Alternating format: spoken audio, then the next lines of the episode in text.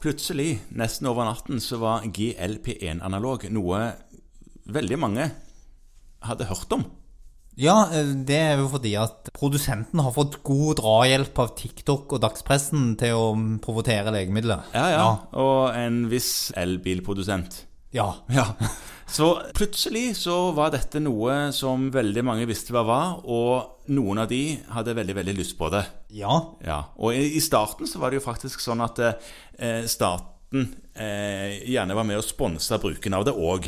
ja når den ene, når liraglutid var på markedet, så, så dekte de det en periode. Nå er det jo tatt av refusjon, som det heter så fint. Ja.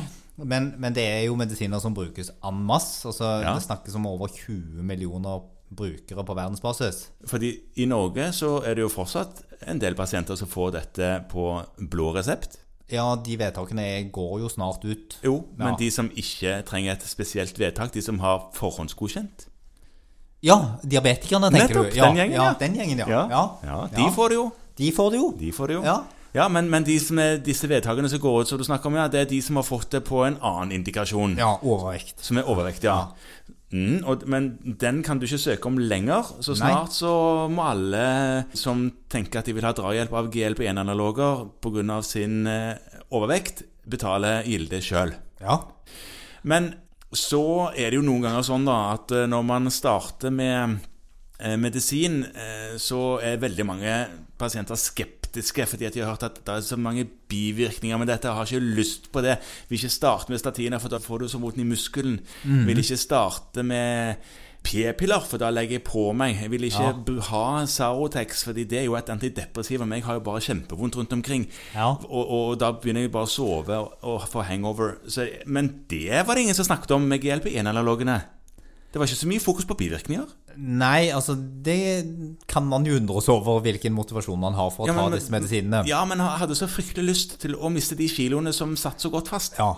Og så skal det sies at bivirkningsprofilen på disse medisinene har vært ganske snill. Altså det er jo noen tilfeller av, beten- av pankratitt.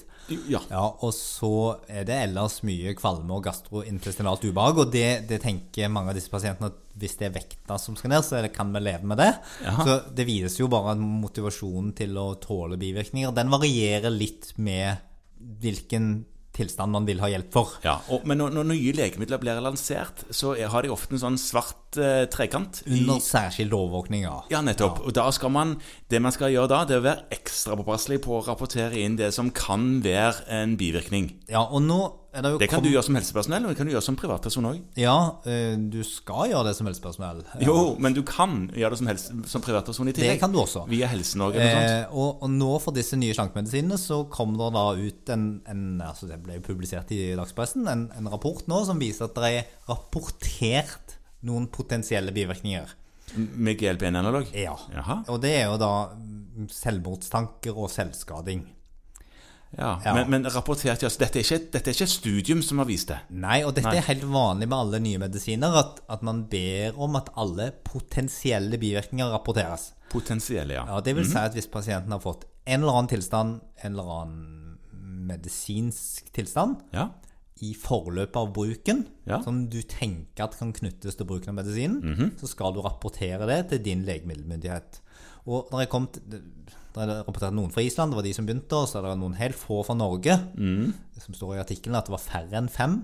Ja, ti- Hvor er den artikkelen, sa du? Den ligger på eh, TV 2, tror jeg. Ja, En eller annen sånn, ja. Ja, ja. Og så har da EMEA bedt om, altså Europeiske legemiddelverket, bedt om at det sendes rapporter, så da sendte de en del rapporter. Men det betyr ikke at det er godkjent som en sikker bivirkning, det er bare noe vi særlig skal overvåke. ja. Fordi at det som er vanlig med mange ting, og det er viktig å huske på, og det tror jeg vi har snakket om før, er at det at ting sammenfaller i tid, ja. betyr jo ikke at det er det vi kaller for kausalitet. Ja, nei, Dette har vi snakket om. Temporal sammenfall, eller temporal kausalitet, eh, temporalitet og kausalitet er to forskjellige ting. Det er to forskjellige ting. Og det kan jo da være, når man da over relativt kort tid gir denne medisinen til mange, mange, mange millioner, Ja, det er fryktelig mange som Ja. plutselig fikk det. ja, at det da dukker opp noen som da får depresjoner og selvmordstanker og driver med selvskading, samtidig som de får medisinen. Jo, ja, ja, sant, for det, Eh. er- det er ikke en helt eh, selvsynt symptom på livet for den enkelte. Nei, nei.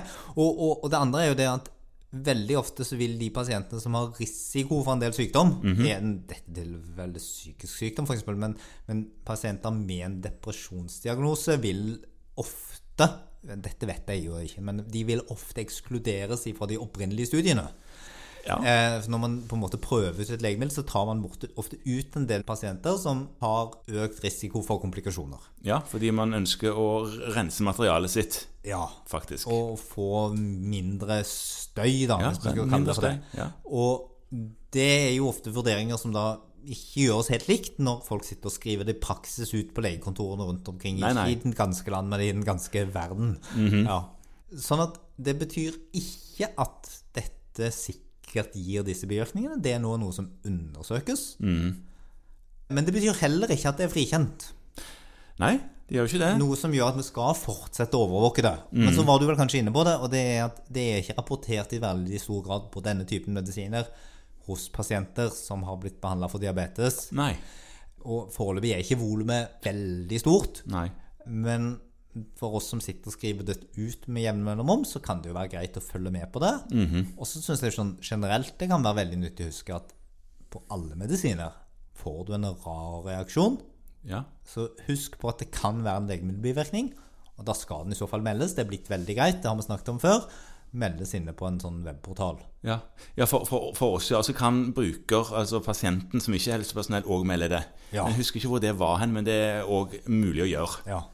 Så husk det, meld potensielle bivirkninger, for det er da først vi finner ut ting. Og, og noen ganger opp gjennom historien så har jo den typen meldinger gjort at vi har avdekka merkelige og sjeldne bivirkninger av medisiner Det er riktig. som ingen hadde sett for seg, og som fikk stor betydning for, for måten vi håndterte behandlingen på. videre. Ja da, vi husker vel alle noen av de.